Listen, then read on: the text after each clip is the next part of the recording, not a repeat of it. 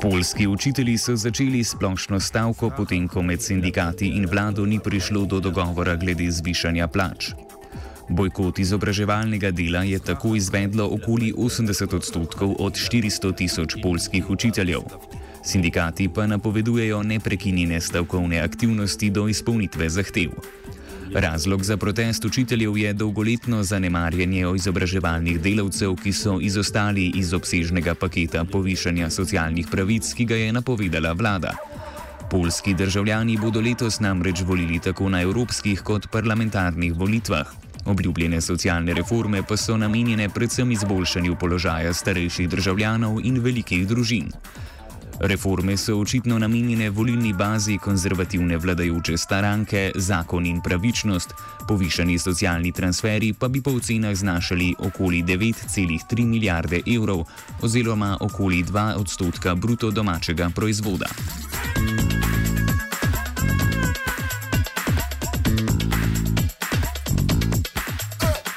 Učitelji, ki veljajo za tipične voljivce aktualnih predstavnikov oblasti, so iz socialnega paketa izostali in zato zagrozili splošno stavko v času pred izvedbo maturitetnih izpitev za milijon polskih srednješolcev. Vlada je sindikatom ponudila postopno zvišanje plač za 9,6 odstotka v zameno za zvišanje obveznih delovnih ur, vendar predstav sindikalni predstavniki ostajajo pri zahtevi po 30 odstotnem zvišanju. Začetna neto plača polskega učitelja sicer znaša 427 evrov, medtem ko je povprečna neto plača med učitelji 662 evrov. Zgolj sindikat Solidarnost je z vlado podpisal dogovor, ki med drugim zajema 15-odstotno zvišanje plač ter zmanjšanje administracije in trajanje pripravništva. Sindikat Solidarnost je sicer imel pomembno zgodovinsko vlogo kot civilna opozicija komunistični partiji, ki je pripeljala na oblast vodje tranzicije, med drugim tudi nekdanjega vodjo Solidarnosti in prvega tranzicijskega predsednika Liča Valeso. Slednji je sindikat zapustil pred leti zaradi sporov z aktualnim vodjo Petrom Dudo. Solidarnost sicer zaradi svoje zgodovinske protikomunistične vloge velja za zaveznika vladajočih, zaradi nasprotovanja podpisu sporazuma z vlado pa naj bi se v sindikatu že oblikovala odpadniška frakcija.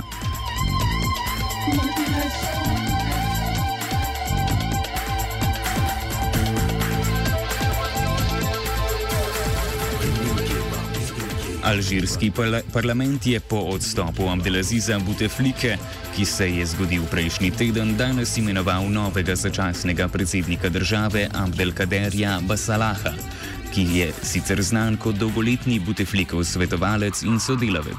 Buteflika je odstopil po skoraj dvomesečnih državnih protestih in izgubi podpore vojske in svoje stranke Narodno-osvobodilne fronte, poznane pod kratico FLN. Protesti so se začeli po njegovi razglasitvi, da bo že petič kandidiral za predsednika države.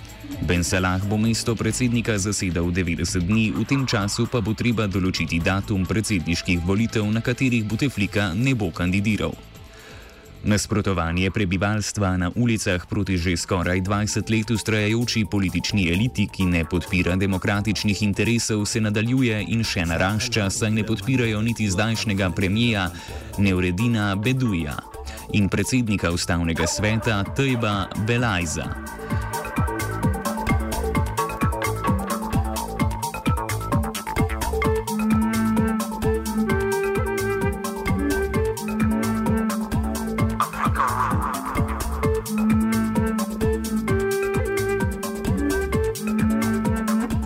Hongkongu je sodišče za krive v tako imenovanem gibanju rumenih dežnikov spoznalo devet vodilnih protestnikov.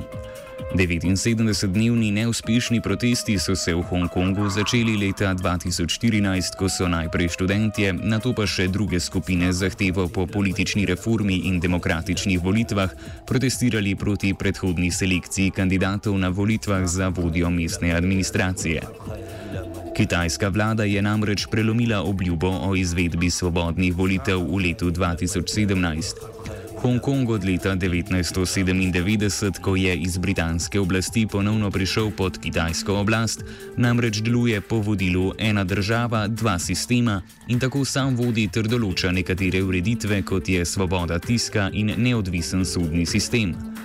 Trije izmed vodilnih protestnikov, duhovnik Chu Yu Ming ter profesorja Benny Tai in Chan Kin Man, so bili obtoženi javnega napeljevanja k protestiranju. Vsi trije so obtožbe zanikali in povdarili, da so s protestom želeli opozoriti na nadaljevanje politične represije v državi. Podporo je obtoženim izkazala tudi množica pred sodiščem.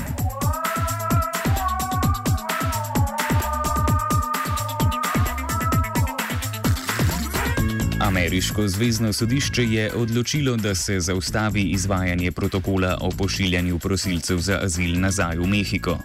Ukrep vračanja prosilcev je bila ena izmed strategij administracije predsednika Donalda Trumpa, ki so jo uvedli januarja z namenom omejevanja migracij. Med drugim so namreč uvedli pooblastila za varnostne organe, da prosilce za azil vrnejo v Mehiko in prisilijo k čakanju na datume obravnave njihovih prošenj na ameriških sodiščih zunaj ZDA. Čakanje na obravnavo lahko traja tudi več let, prosilci pa v tem času ustajajo v obmejnih mehiških mestih ali poskušajo znova prečkati mejo. Oba, če bom odgovoril na angliški. Slovenija will try to help. Uh, we can. Slovenija will. Uh, and we will. Do our utmost. To say that the situation is. Our problem ourselves. And uh, we will. Uh, make further steps as soon as the conditions are. Bomo vlado Marjana Cerer, Marjana Cerer Šarca podprli. Very, very serious. News from Slovenia. We know how and we will. Premijer Marjan Šarec je za danes ob četrti uri popovdne popovdan sklical sejo Varnostnega sveta zaradi razkritja poskusov vplivanja predstavnika hrvaške podružnice avstrijskega podjetja Stirija Ivana Tolja na poročanje medijske hiše Pop TV o izdaji prisluhov o poteku arbitraže med Slovenijo in Hrvaško. Spletna stran 24ur.com je namreč objavila posnetek telefonskega pogovora Tolja z neimenovanim direktorjem neznane globalne multinacionalke, v katerem ta prosi za pomoč v imenu hrvaške vlade pri vplivanju na omenjeni prispevek Pop TV. V spornem prispevku, objavljenem prejšnji teden, prejšnji teden, so namreč novinari Pop TV objavili ime in fotografijo obveščevalca Davorja Franiča, ki naj bi vodil akcijo prisluškovanja slovenskemu sodniku na arbitražnem sodišču Jrneju Sekolcu in slovenski agentki sodišča Simoni Drenik. V času, ko je sodišče odločalo zaradi svojih položajev, namreč ne bi smela komunicirati, zato je bila objava prisluhov povod za odstop Hrvaške od odločitve arbitraže arbitražnega sodišča. Za razkritje prisluhov na večernjem listu, ki je v lasti omenjenega avstrijskega podjetja Stirija, ne bi poskrbel prav Tolja, ki ga je slišati na prisluhih, objavljenih na spletni strani 24 ur.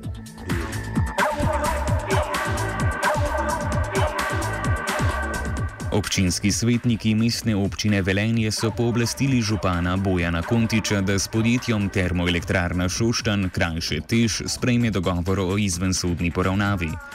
Izvensodna poravnava pomeni, da bo Tež do leta 2020 mestni občini Velenje doniral do 300 tisoč evrov, kar bo namenjeno vzpostavitvi nove oblike javnega prometa. Ta bo na mesto dizelskih goriv uporabljala vodik. Občina Velenje je marca lani podala tožbo zaradi neplačenega letnega nadomestila za škodo, ki jo je okolju leta 2016 povzročil tež in sicer v višini 750 tisoč evrov.